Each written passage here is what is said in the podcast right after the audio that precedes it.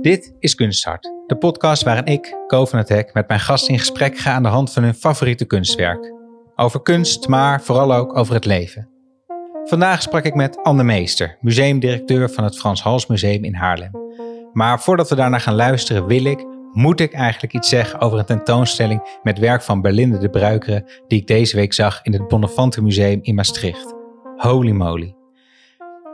Waar begin ik? Het werk van de Bruikere is teder en meedogenloos. Het gaat over dood en over seks, over alles wat ons mensen maakt. Het is kwetsbaar en het is rauw.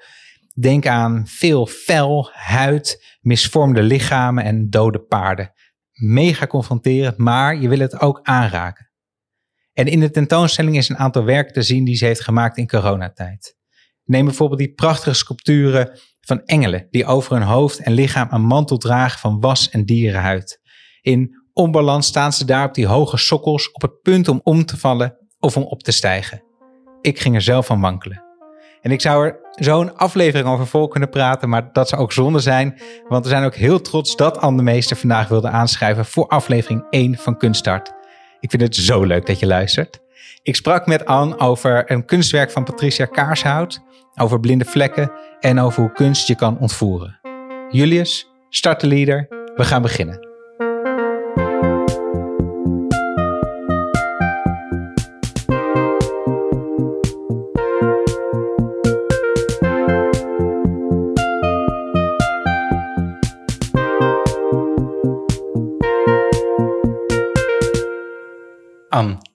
Heel leuk Oh. dat je er bent.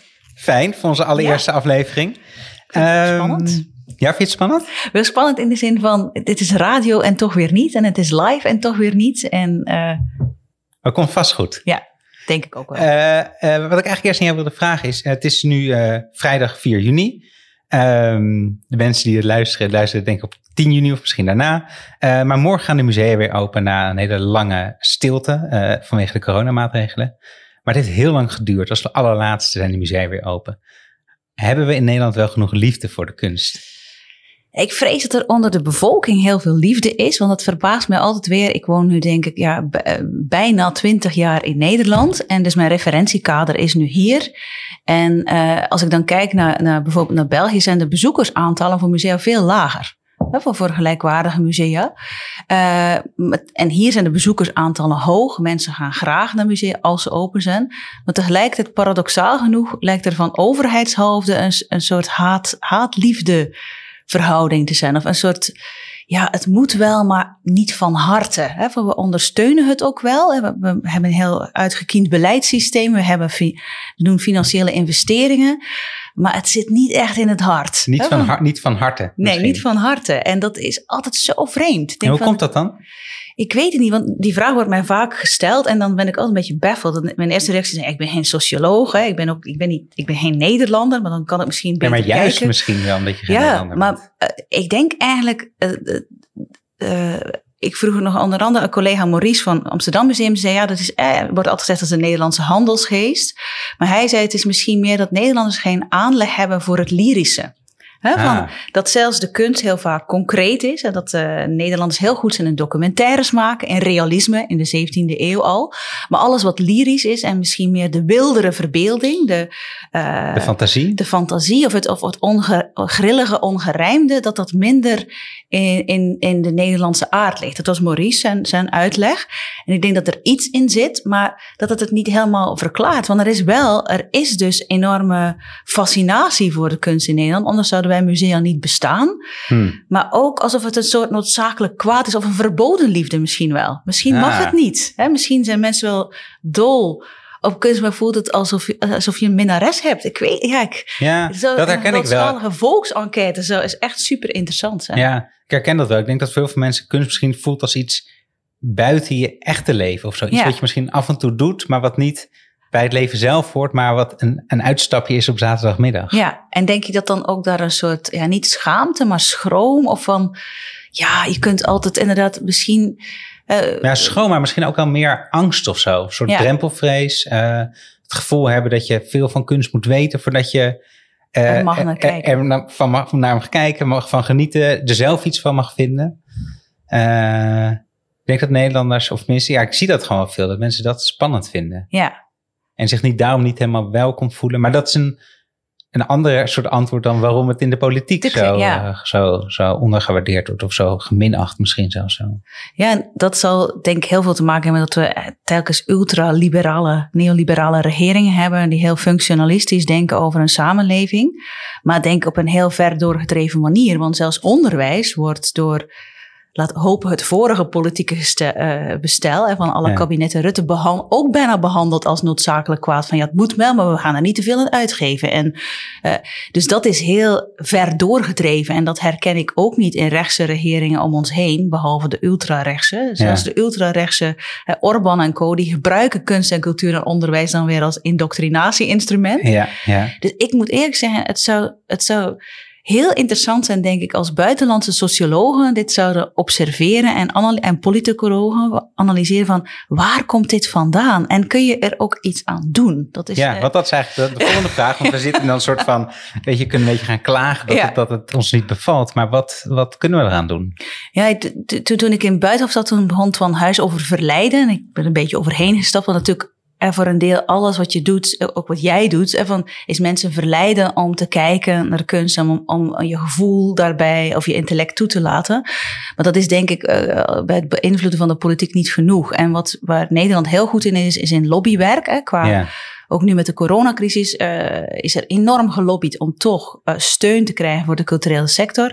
Nog steeds te weinig voor ZZP'ers en kunstenaars, maar best substantieel voor de instellingen. Dat zit dus wel snor. Hmm. Maar die, een meer inhoudelijke lobby. Over, maar dat is lobby voor geld? Of dat zo? is lobby voor geld en voor, voor systeem en voor beleid en voor structuur. Maar de lobby eigenlijk voor, voor het internaliseren van de noodzaak. Ik denk dat we die aanhoudend moeten voeren, en los van een crisis. Niet, eh, niet, niet in een pandemie, niet tijdens bezuinigingen, niet, tij, of ja, niet per se tijdens een formatie, hmm. maar dat we veel meer soort campagnes moeten gaan voeren à la Sieren. Een ja. campagne van Sieren ja. heeft nooit een concreet doel. Ze willen niet dat mensen in 2023 beleefder zijn of uh, hmm. hoffelijker met elkaar omgaan. Ze willen gewoon stimuleren dat uh, hoffelijkheid of aandacht. En ik denk dat we vanuit de culturele sector veel meer dat soort campagnes moeten ja. gaan voeren. Die nou. niet gericht zijn op promotie, maar meer op van kijk eens, hoe mooi, hoe, hoe wonderbaarlijk, hoe zinvol, hoe essentieel. Nou ja, heel goed. Dat is eigenlijk, maar dat is, dat is misschien ook wat wij hier proberen te doen met, ja. met Kunsthart. Is dat te laten zien hoeveel, er, uh, hoeveel mooie dingen er gemaakt zijn. En hoe je iedereen, heel verschillende mensen op een andere manier van kunst uh, kan houden. Ja. Um, laten we nu naar het kunstwerk gaan dat je hebt meegenomen. Ja. Um, ik, je hebt een kunstwerk meegenomen van Patricia Kaarsenhout. En uh, daar gaan we het zo over hebben. Maar eerst gaan we luisteren naar Emma Waslander. Zij neemt ons in twee minuten even mee langs het leven van Patricia Kaarsenhout. In 2020 stonden er duizenden mensen op de Dam in Amsterdam om een massaal tegengeluid te geven aan anti-zwart racisme. Een strijd die al zo ontzettend lang aan de gang is, kreeg nu, door de samenloop van omstandigheden, meer wereldsgewicht dan ooit. Kunstenaar Patricia Kaarsenhout ziet hiermee een nieuwe generatie opgestaan die zich bewapent met kennis en moed voor deze strijd. Ze herkent zichzelf in hen, want al lang voordat zij kunstenaar werd, stond ze bij elke demonstratie om zich te laten horen tegen onrecht. Haar voorouders werden onvrijwillig vanuit Ghana meegenomen naar Suriname en daar tot slaaf gemaakt. Maar Patricia Kaarsenhout werd geboren in 1966 in Den Helder, groeide daar op waar de consequenties van het slavernijverleden tot uiting kwamen in haar jeugd, die getekend werd door racisme. Veel en vaak voelde ze zich op de overwegend witte school en in de buurt niet geaccepteerd. Klassenverschil werd al vroeg een thema waar ze zich tegen wilde verzetten. In haar studie sociale wetenschappen botste zij met de ideeën over inclusiviteit. Want wie bepaalt er nu eigenlijk en wie is er aan het woord? Na wat reizen volgde Kaarsenhout de richting beeldende kunst aan de Gerrit Rietveld Academie, waar het activisme wat naar de achtergrond raakte en kunst maken haar tijd bezette. Het kostte haar zeker tien jaar om een eigen vorm te vinden in haar werk, waarvan ze graag wil dat deze tijdoverschrijdend is. En dat doet ze in meerdere disciplines, want ze schildert, tekent, werkt met textiel en maakt installaties en performances. Kaarsenhout heeft haar werk wereldwijd kunnen vertonen, van de VS tot Albanië, van Denemarken tot aan Senegal. Als je kijkt naar haar kunst, dan lees je thema's als waardigheid, boosheid, rouw en verdriet. Ze onderzoekt haar eigen Surinaamse achtergrond in relatie met het opgroeien in een West-Europese cultuur. Waar haar pijn zit, zit haar kracht. En dat zet ze in. Kaarsenhout is 55 jaar oud en woont en werkt vanuit Amsterdam. En het werk dat je hebt meegenomen heet Guess Who's Coming to Dinner Too. En wat, wat is het voor een kunstwerk? We, we, we, zetten in de show notes trouwens een linkje naar een afbeelding van het werk. Dus mensen die uh, uh, luisteren en denken ik wil het gelijk zien, kunnen, kunnen het opzoeken. Maar vertel het ons ook gewoon hoe het eruit ziet. Ja. Neem ons mee in de wereld. Het is, ik altijd, oh, dat is, dit is wat kunstgeschiedenisstudenten vroeger moesten doen. Hè? Ekfrasies en werk zo beschrijven dat je kunt even, maar ik heb geen kunstgeschiedenis gestudeerd, dus ik ga proberen. En je ziet eigenlijk een hele grote driehoekige tafel. En die is mhm. allemaal bekleed met borduurwerk. En erop staan allerlei uh, soort vessels, noemt Patricia. Dus een soort schalen en kommen en, en kruiken gemaakt uit uh, ontransparant glas. Uh, en eromheen zie je eigenlijk een omgeving waar aan de ene kant van het, af het plafond hangen uh, soort tunieken, hakka-tunieken. En aan de wand hangen allemaal uh, symbolen, Adinkra-symbolen uit Ghana en Nigeria. En uh, het geheel bestaat dus uit die verschillende onderdelen. De tafel, de symbolen en de, de. En er staat ook nog, er liggen nog catalogie naast. Eigenlijk. Ja. en hoe groot is de tafel ongeveer? Eerlijk gezegd, ik volgens mij zie oorspronkelijk 9 bij 9. Maar het mooie aan het werk is, dit is geen statisch werk. Patricia Kaarshout is hier namelijk mee begonnen in 2017 en laat mhm. het telkens weer transformeren. En het neemt dus telkens weer andere verhoudingen aan, andere vormen. Er gaat iets weg, er komt iets bij. Ja. En dat vind ik er sowieso al prachtig aan. Het is heel monumentaal. Als je, eh, dit was eh, waar wij nu naar kijken, een foto van bij de Appel. Ja. Als je binnenkwam, is het, het is een soort massief, maar het is ook weer heel licht en fluïde. En eigenlijk, uh, dat kun je niet zien als je één versie ziet. Maar het mooie is natuurlijk dat Patricia telkens weer een andere vorm werkt en dat het werk daardoor ook relevant blijft. Ja. Omdat als je iets stolt in de tijd, dan heeft het met die periode te maken. Maar ze reageert eigenlijk telkens weer op nieuwe ontwikkelingen door dat werk aan te passen. Ja, want het is, het is, het is, het is inderdaad een grote driehoekige tafel waar 30 à 40 mensen aan kunnen zitten. Ja. En hij is gedekt en er is een tafelschikking. Ja, en hij is eigenlijk gedekt voor, uh, in dit, deze versie voor 36 vrouwen. Ja. Uh, eh, 36 vrouwen die uh, op de een of andere manier een belangrijke rol hebben gespeeld in de geschiedenis. En een rol die niet altijd door iedereen wordt gezien. En de, in de versie van Patricia zijn het voornamelijk vrouwen van kleur. Ja. Die in, uh, in bepaalde gemeenschappen heel bekend zullen zijn. Maar die in het overgrote deel van West-Europa, de their names don't ring a bell. En mhm. het is eigenlijk een soort laatste avondmaal of een dode maaltijd. En tegelijkertijd een viering, een soort uh, een altaar voor die vrouwen en hun betekenis uh, in strijd tegen onrechtvaardigheid, strijd tegen racisme, maar ook gewoon emancipatie in de brede zin. Ja. Uh, en die vrouwen die zijn, die zie je niet, hè, want, maar eigenlijk worden ze geportretteerd door het borduurwerk of worden ze aanwezig gesteld door dat glaswerk. Dus je, je, je voelt ze wel. Je kunt ook hun verhalen en biografieën kun je lezen in de teksten die ernaast liggen. Maar ze zijn ook als een soort spook of als een geest aanwezig. Ze zijn er niet fysiek en je ziet geen beeltenis van ze. Maar je, je krijgt een soort toegang tot hun levensverhaal. Ja, ja, en je zei in deze versie, want het is een variatie op een bekend kunstwerk uit de jaren zeventig van ja. Judith Chicago. Ja, wat, wat, wat Patricia eigenlijk doet, is ze neemt een heel iconisch werk uit de feministische kunstgeschiedenis, de Dinner Party van Judy Chicago, en transformeert dat, voegt daar dingen aan toe. Uh, Judy Chicago heeft de Dinner Party gemaakt in de jaren zeventig, eigenlijk als een soort statement uh, tegen het feit dat ze ja, de, de westerse kanonieke geschiedenis, zoals we die kennen en leren op school, is een geschiedenis van witte heteroseksuele mannen. Uh, en, uh, ja, dat is zo. Vrouwen komen daar niet in aan bod. Hè, van, uh, en ik wil iets daaraan toevoegen. Dit werk van Patricia Kaarshout is eigenlijk een variatie op die ook zegt... we moeten ook mensen van kleur aan tafel. Ja. Want die Judith Chicago had veel vrouwen, maar vooral witte vrouwen aan tafel geplaatst. maar ik wilde eigenlijk wat, waar, waar, waar ik wel benieuwd naar was ook, en dat is eigenlijk de kritiek die je net al noemt. Het is, ik snap ergens dat, ik snap heel goed dat het als manifest een heel interessant kunstwerk is. Maar Is het voor jou ook sensitief en in het hart ook een interessant werk? En je bedoelt Judy Chicago? Nee, uh, Patricia, Kaarshout, sorry. Nee, en, en misschien kon ik wil jou helemaal niet corrigeren, maar ik denk wel belangrijk dat het werk van Patricia is niet een versie van, van Judy Nee. Chicago, maar is eigenlijk wel een reactie en borduurt erop voort op een heel expliciete manier. Want wat mensen, en ik ga echt in op je vragen. Ja, nee, zeggen, ja, maar is het, dit niet eh, gewoon een soort eh, kopie? Hè? Of is dit een imitatie of een pastiche? Of ja, niet een pastiche, is het niet eh, plagiaat? En Hmm. Nee, want eh, Chicago zelf heeft ook gezegd van ja, mijn werk is gemaakt in de jaren 70. Ja, er zijn geen vrouwen van kleur. Terechte commentaar, maar ik ga het niet meer veranderen. Het is nu, eh, Ja. nieuw werk moet geboren worden. En dus zij heeft eigenlijk dat oerwerk van Chicago is er verder op gaan borduren in de figuurlijke zin. ja, nee, heel goed Eh, hoor. dus dat, dat goed is dat denk het ik heel duidelijk is. belangrijk. Ja, Omdat Zeker. Dat, het, dat er ook de authenticiteit, je herkent dingen, maar het is ook echt anders. Maar wat mij vooral aanraakte is dat het, omdat het zo, toen Patricia een eerste versie toonde, dat was, dat, die ik heb gezien, was volgens mij Wow en Bos en Lommer. En toen vond ik de gedachte heel erg goed, maar de vorm dacht ik, oké.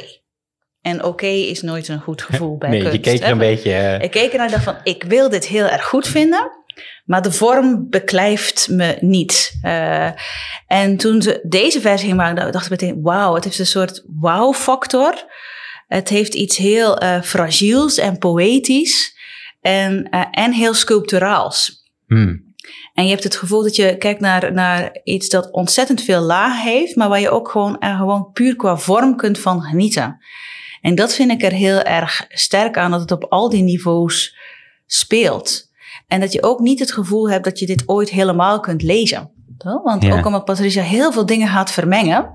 Toen eh, ik, ik, stond toevallig bij de appel in de ruimte en toen dacht iemand dat ik daar werkte en vroeg van, ja, en wat betekent dit symbool en waarom heeft dat glaswerk die vorm? En ik dacht, ja, dat weet ik niet. En, eh, eh, maar toen dacht ik, van, maar niet zo, het betekent dus dat je telkens weer kun je dit werk herontdekken. ja. En, en tegelijk kom je nooit tot de kern. En daardoor vind ik gaat het veel verder dan dat het een activistisch pamflet is.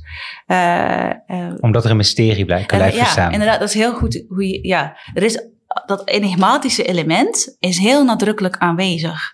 En dat komt doordat, eh denk ik, Patricia allerlei culturele referenties vermengt. Hè, van, van inderdaad eh Adinkra-symbolen, Hakka, wat meer volgens mij afkomstig is uit het Pacifische gebied. Ja. Eh, er zitten Indonesische motieven in. Ze verwijst zelf naar Edouard Glissant. Dus het is sowieso een, een mix van allerlei culturele referenties. Maar ook in de vorm heb je het gevoel dat het heel huiselijk is en, en heel artistiek. Dus dat er heel veel, eh, dat er iets in zit van die, v- van dat intieme toch wel, eh, wat borduurwerk wat traditioneel geassocieerd wordt met vrouwen in de huiskamer. En aan de andere kant, dat glaswerk is heel kunstig en heel ambachtelijk uitgevoerd en heeft weer bijna iets van een soort kelken uit, uit kerken. Dus dat spreekt mij heel erg aan, ook op een emotioneel en, en vormniveau. Ja, ja. En zijn er dan ook, eh zit er dan voor jou ook, ja, misschien een beetje een raar, raar soort vraag, maar zit er voor jou ook lessen in, in het kunstwerk dat je denkt, ah, dat je anders naar de wereld gaat kijken of anders naar, naar dat soort thema's gaat kijken? Ja, als ik alleen al in het hele. eh, Ik dacht, eh, vroeger dacht ik altijd van ja, Judy Chicago heeft een correctie op de geschiedenis gebracht die nodig was. Maar had ik er nooit bij stilgestaan. Dat er zitten volgens mij twee Latina-vrouwen in haar tafel. En voor de rest is iedereen Caucasisch wit. Daar had ik toen ik dat werk voor het eerst zag. eh, in het echt heb ik het pas zeven jaar geleden. heb ik nooit bij stilgestaan Hm. omdat ik zelf wit ben. Hmm. En ik vond het al een geweldige verovering dat, hè, dat, eh, dat het soort eh, feministisch kunstwerk niet meer werd gezien als louter je vuist in de lucht, maar zelf onderdeel was geworden van de kanon. Dus dat Ja. werk van Patricia doet me heel erg nadenken over mijn eigen positie en ook over je eigen blinde vlekken. Ja. En tegelijkertijd, om, doordat zij het telkens weer laat muteren, denk ik ook van straks moet er eigenlijk weer nog een nieuwe versie komen. Want eh, als, je, als je al verder gaat staan, ja, er zijn weinig Aziatische vrouwen aan Hmm. deze tafel. Ja. Dat zou ook, hè, eh, dat zou een vervolg kunnen zijn. En dus iemand, ja, maar dan is het nooit klaar. Hè? Bedoel, zo kunnen we maar blijven door. Ik zeg, ja, dat is net het punt. Ja. Hè? Het punt is, Het is dat nooit klaar. het is nooit klaar en alles verandert voortdurend. En wij moeten telkens onze blik bijstellen. Maar dan moet je, hoef je, wat mij betreft, niet te doen met een schuldgevoel, maar wel met een verhoogd bewustzijn dat je altijd dingen niet ziet. Je- ook Heb je nog blinde vlekken?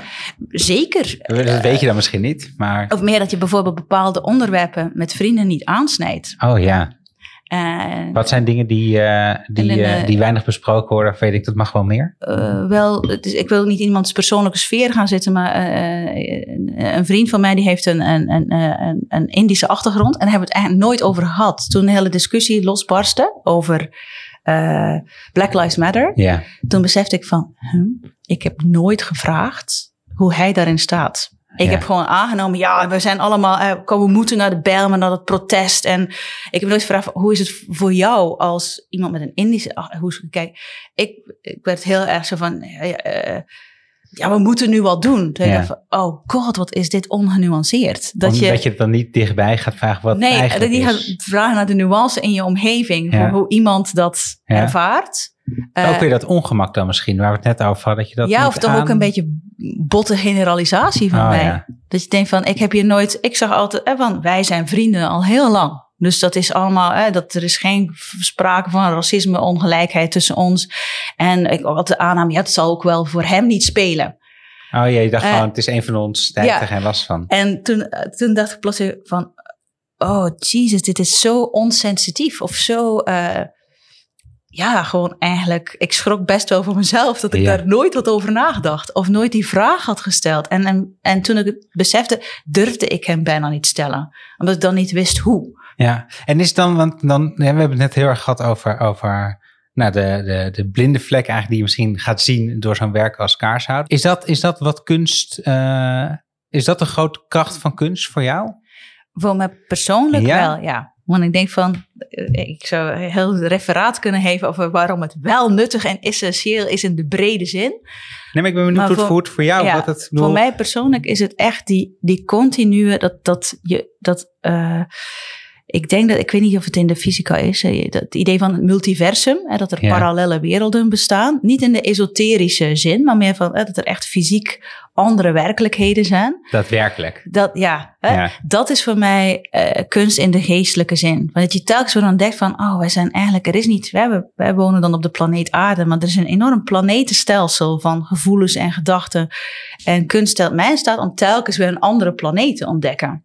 Ja. Eh, en vind, ik wel, vind, vind ik mooi, maar ik snap het nog niet helemaal. ja, misschien het heel eenvoudig is. Ik kom mm, oorspronkelijk, voor ik de beeldende kunst ontdekte, heel erg uit de literatuur. Ja. En ik denk wat eh, literatuur is letterlijk, als je een, een roman leest, verplaats je je in een andere werkelijkheid. En je gaat op een soort mentale reis. Als het goed is, als een roman echt goed is, dan En verdwijn je, in die andere wereld. je in die andere wereld. Heb je een soort verdriet als dat boek uit is. Heb je het gevoel dat die personages toch dichtbij zijn, ook al weet je dat ze fictie zijn. Hm. Eh, en dat gevoel geeft beeldende kunst mij ook. Telkens dat je, een, je moet verplaatsen in een andere werkelijkheid.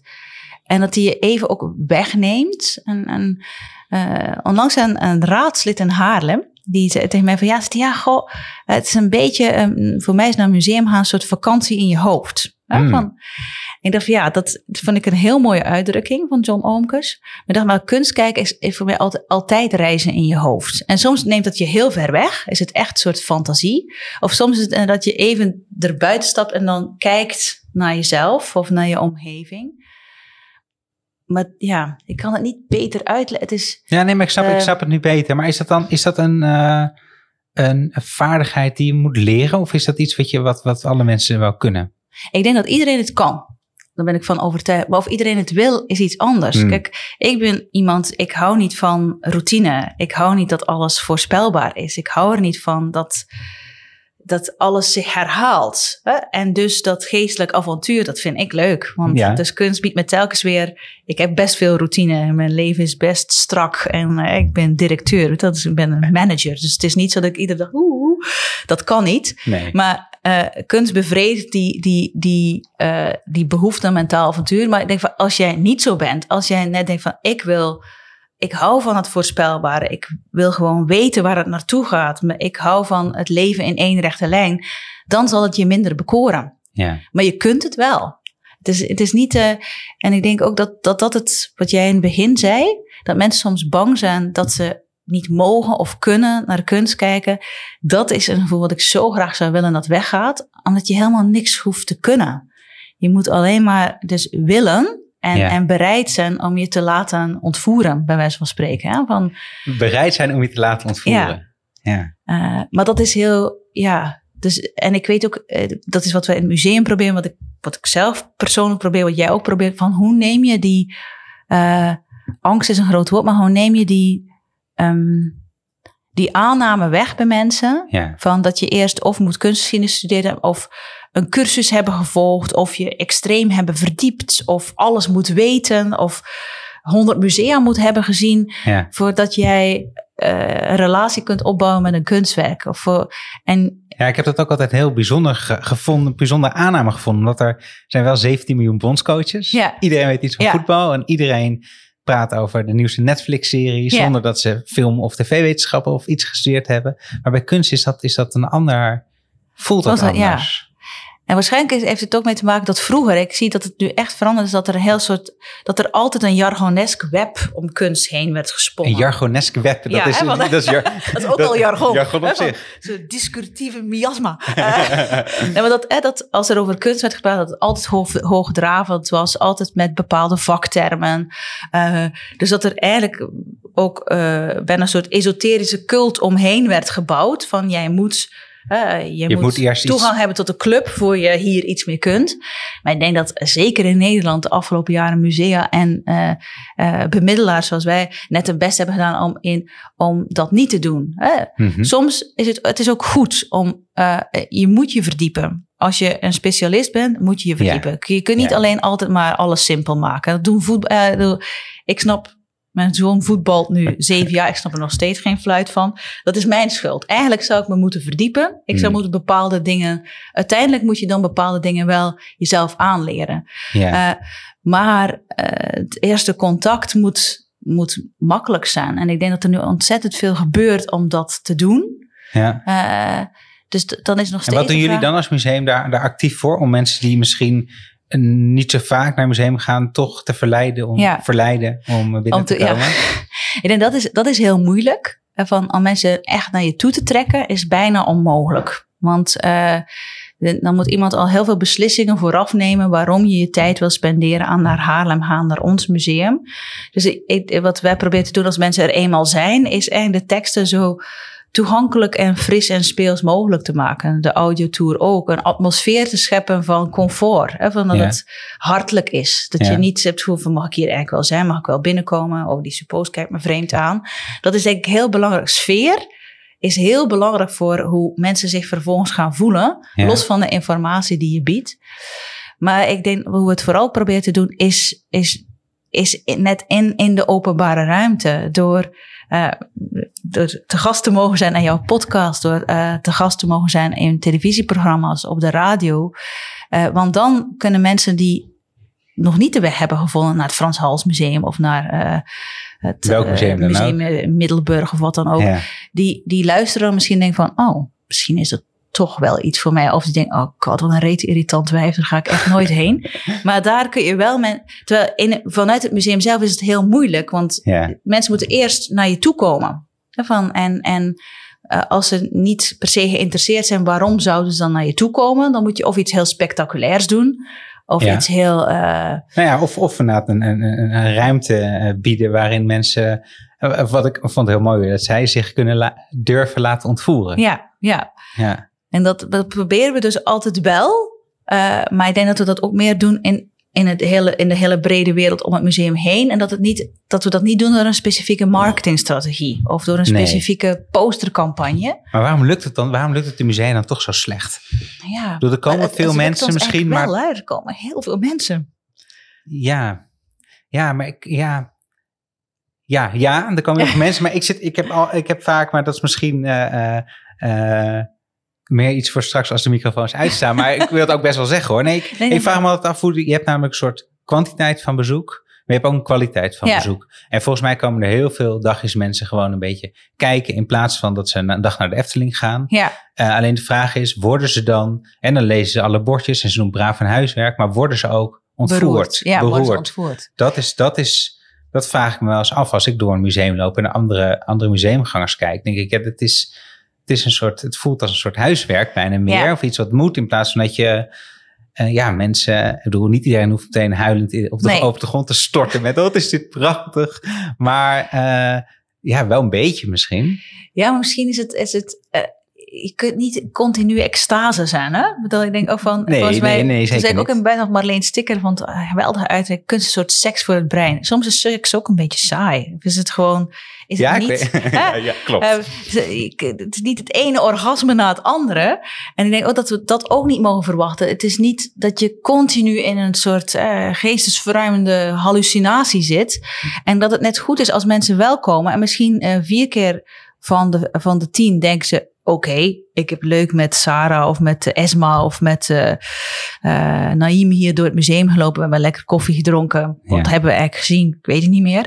Maar dat, die, dat de vijfde keer dan is van... Wauw, ik heb één werk gezien. Dat vond ik echt schitterend. Daar heb ik nog weken over nagedacht. ja. Dus ik- daarom denk ik dat kwantiteit wel belangrijk is. Dat mensen het gewoon doen. Omdat je dan veel meer een chance encounter kunt hebben met iets betekenisvol. Ja, nee, en dan inderdaad ook als het een keer tegenvalt. Hè, of, of als het je Ja. niet zoveel doet, in tentoonstelling niet gelijk de moed opgeven en denken, en dit is inderdaad niks voor mij. er nooit meer heen. Hè, van, dus het is, ja, maar ik, ik denk, jij ook, ik heb dezelfde vraag als jij die ik niet, niet opgelost krijg van, maar waarom is er dan toch nog altijd dat verzet of die weerstand? Als mensen wel naar musea gaan en wel naar theater, wel naar de bioscoop, best een substantieel aandeel van de Nederlanders. Hè, van, eh, als ze dat een, een zinvolle tijdsbesteding vinden, waarom is er dan zoveel weerstand op, op verschillende fronten? Waarom vinden mensen het dan toch een beetje decoratieve. eh, en wat is het antwoord op die vraag? Ik weet het niet. Ik Hmm. denk dat van, waarom kun jij niet eens in je podcast gewoon Mark Rutte interviewen? Of Hugo de Jonge? Of die mensen die erover gaan. En Ja, die als dat ze luisteren, eh, meneer Rutte, meneer de Jonge, u zijn van harte welkom. Ja, of ik, volgens mij moet je. Want ik denk van alleen door die mensen te bevragen, komen we daar ooit achter. Want wij zitten in die zin aan de verkeerde kant. We Ja. zijn, wij willen mensen bekeren. Wij zijn Ja. ervan overtuigd dat het wel waardevol is. Kunnen een heel trits argumenten produceren. Maar we kunnen. eh, Of ja, ik probeer me empathisch te verplaatsen in hoe dat werkt. Maar dat, dat lukt me niet. Want Nee. ik kan me voorstellen dat je bepaalde vormen van hedendaagse kunst ontoegankelijk vindt. En daarom overbodig en te, te pretentieus. Hè? Dat kan ik me voorstellen. Maar ik kan me niet voorstellen dat je denkt van... we waarderen dit, we- we geven het een plek. En tegelijkertijd denk van we gaan er wel even naar trappen. We gaan Ja. het wel even tegelijkertijd eh, doen alsof het niet meer waard is dan... eh, ik beledig altijd mensen als ik een vergelijking maak. De vorige keer deed ik dat ook met sekswerk. Ik dacht van, ik bedoel dat helemaal niet beledigend, dus ik moet oppassen. Maar het, het, eh, niet belangrijker vinden dan, een, dan een, een, een, een manicure of een gezichtsbehandeling. En die zijn ook belangrijk, maar daar kun je echt wel zonder. Hè? Van je kunt zonder naar de manicure, pedicure en gezichtsbehandeling. Dat, daar kun je echt zonder leven. Want dat is wat er nu telkens, er wordt een soort vergelijking gemaakt van ja, Hmm. we, we, we, waarderen het wel, maar if push comes to shove, zeggen we toch, nou ja. Ja, maar goed, morgen dan Ja. eindelijk eh, is het zover. Mogen jullie weer open? Ehm, kan jij slapen vannacht van de spanning? Uh, ja, ik kan altijd slapen. Dat Ja. is een heel groot voordeel. Vroeger als klein kon ik ook slapen voor Sinterklaas. Maar het is wel, het voelt echt wel heel exciting. En dat had ik eerlijk gezegd niet verwacht. Omdat dit is normaal wat we doen, open zijn. Ja. We hebben zelf geen heel grote vernissage. We openen pas eind van de maand een nieuwe tentoonstelling met Patricia Kaarsenhout. Dus morgen is er voor ons niks nieuws. Maar toch voelt het heel erg als een soort geschenk van... Oh, eindelijk. Ook omdat de periode best lang is geweest. En dat het... Het werd een soort uitzichtloos. Alsof het... Ja. ja Ja, eh, alsof je, eh, je- je- going through the motions. We gingen, er werd ontzettend hard gewerkt in het museum. Dat vond ik zelf heel jammer, want eh, die periode van jammer dat er hard gewerkt werd. Ja, nee, meer jammer dat het als museum niet mogelijk is om dan echt een pauze-reflectiesessies Hmm. in te lassen. Want er moest heel hard worden gewerkt aan survival.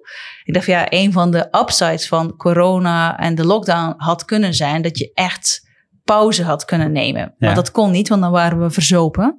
Dus dat vind ik wel jammer. Ik denk Ja. van, shit, er komt hopelijk nooit meer een periode waarop een museum een soort spookhuis wordt. Hè? Want dan de kunstwerken zijn, de mensen zijn, maar niemand kan het zien.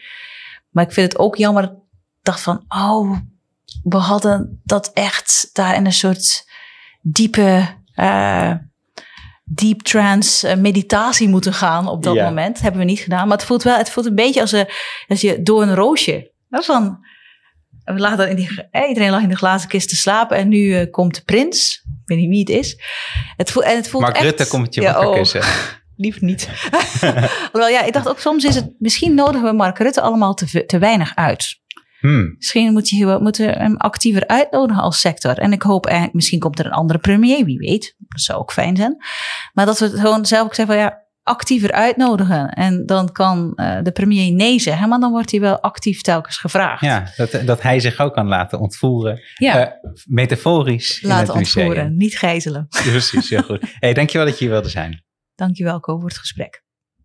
Guess Who's Coming to Dinner Too is vanaf 25 juni aanstaande te zien in het Frans Hals Museum in Haarlem in de tentoonstelling Who is She? Dit was Kunststart. Vond je dit nou een mooi gesprek? Volg ons dan in je podcast-app om geen aflevering te missen. Op Instagram voor meer kunst. En word vriend van de show op vriendvandeshow.nl slash kunststart, zodat wij deze podcast kunnen blijven maken. Deze podcast werd gemaakt door mij, Ko van het Hek, samen met redacteur, producer en lievelingsneef Julius van het Hek. Emma is Emma Waslander. Muziek werd gemaakt door Ed Behoni, het artwork door Joey Andela. Dank jullie wel en dank natuurlijk ook aan Anne Meester voor het mooie gesprek en aan Patricia Kaarshout voor het prachtige kunstwerk. En jij, jij ook bedankt voor het luisteren. Tot de volgende.